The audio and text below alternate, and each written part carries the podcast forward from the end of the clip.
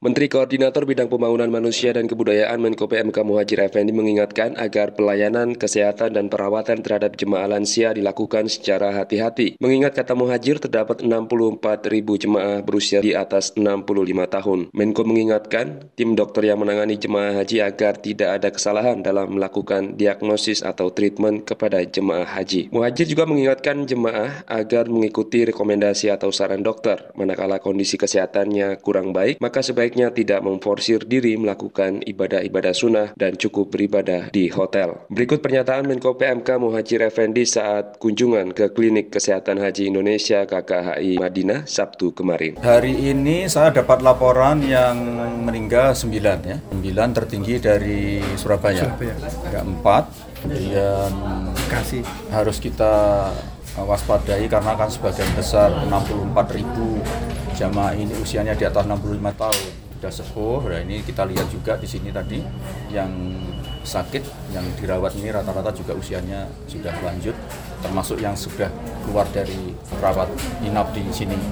Karena itu perlu ada perhatian khusus saya kira untuk intinya harus waspada tinggi lah. Nah, dan saya lihat persiapan dari tim kesehatan baik yang ada di Makkah maupun yang di Madinah sudah sangat sangat memadai. Cuma saran saya supaya ada evaluasi deh. Evaluasi periodik rutin dalam cara penanganannya. Ya, tadi saya menghimbau kepada jamaah haji yang usianya sudah lanjut, jangan memaksakan diri untuk beribadah di masjid. Betul-betul jaga kondisi karena puncak haji masih jauh.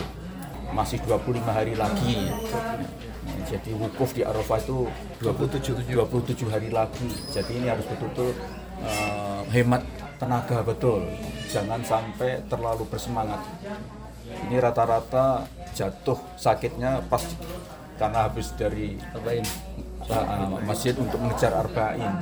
Ini saya kira dari petugas haji juga harus betul-betul gencar memberikan edukasi kepada jamaah ini gitu ya bahwa karena dia juga sudah berada di lingkungan haramain sebetulnya beribadah di mana pun itu memiliki tetap memiliki fadilah yang sama gitu ya karena Allah pasti maha tahu uh, mereka yang beribadah di uh, apa di hotel. hotel karena alasan ada memang ada masyakoh ada keterbatasan itu insya Allah akan dihitung sama dengan mereka yang ibadah di Masjid Nabawi termasuk yang arba'in yang sudah berniat arba'in walaupun tidak terpenuhi karena tadi itu ada kendala-kendala kesehatan insya Allah juga sudah akan dihitung juga itu dan ini penting diberikan edukasi kepada mereka ingat masih waktunya masih lama 27 hari.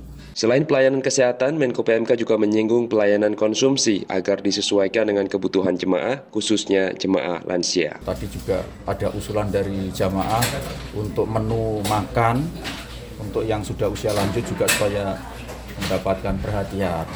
Saya kira penting juga itu nanti dipertimbangkan dari Pak uh, Zainal sudah uh, mencatat itu nanti. Saya akan juga bicara dengan Pak Dirjen Haji. Saya kira itu. Himbauan kepada yang sepuh untuk beribadah di, di hotel saja atau bagaimana? Terkait dengan pelayanan kesehatan bagi jemaah haji, sebelumnya Klinik Kesehatan Haji Indonesia KKHI Mekah juga menyatakan kesiapannya memberikan pelayanan kepada jemaah. Terdapat 257 tempat tidur, ruang rawat inap pria wanita, ruangan IGD, ruang rawat psiatri, dan ICU, fasilitas radiologi, apotik, dan 5 dokter spesialis. Kepala KKHI Mekah Dr. Edi Supriyatna MKK mengingatkan baik kepada jemaah yang sudah berada di Arab Saudi maupun yang akan datang maupun yang baru akan datang ke tanah suci, yaitu minum air cukup ditambah oralit untuk mencegah dehidrasi, tidak memaksakan diri dengan ibadah-ibadah sunnah mengingat puncak haji masih lama, menggunakan payung, topi, kacamata hitam, dan alat-alat lain untuk melindungi diri dari paparan panas matahari saat beraktivitas atau beribadah di siang hari karena cuaca di Arab Saudi saat ini mencapai 40 hingga 42 derajat Celcius dan diprediksi semakin panas. Dr. Edi mengingatkan faktor cuaca merupakan salah satu faktor yang dapat menjadi menjadi pencetus, khususnya bagi jemaah yang sudah memiliki penyakit bawaan atau komorbid yang berpotensi mengalami perburukan sehingga akhirnya dilakukan perawatan. Demikian dari Mekah, Arab Saudi, Anton Riandra melaporkan.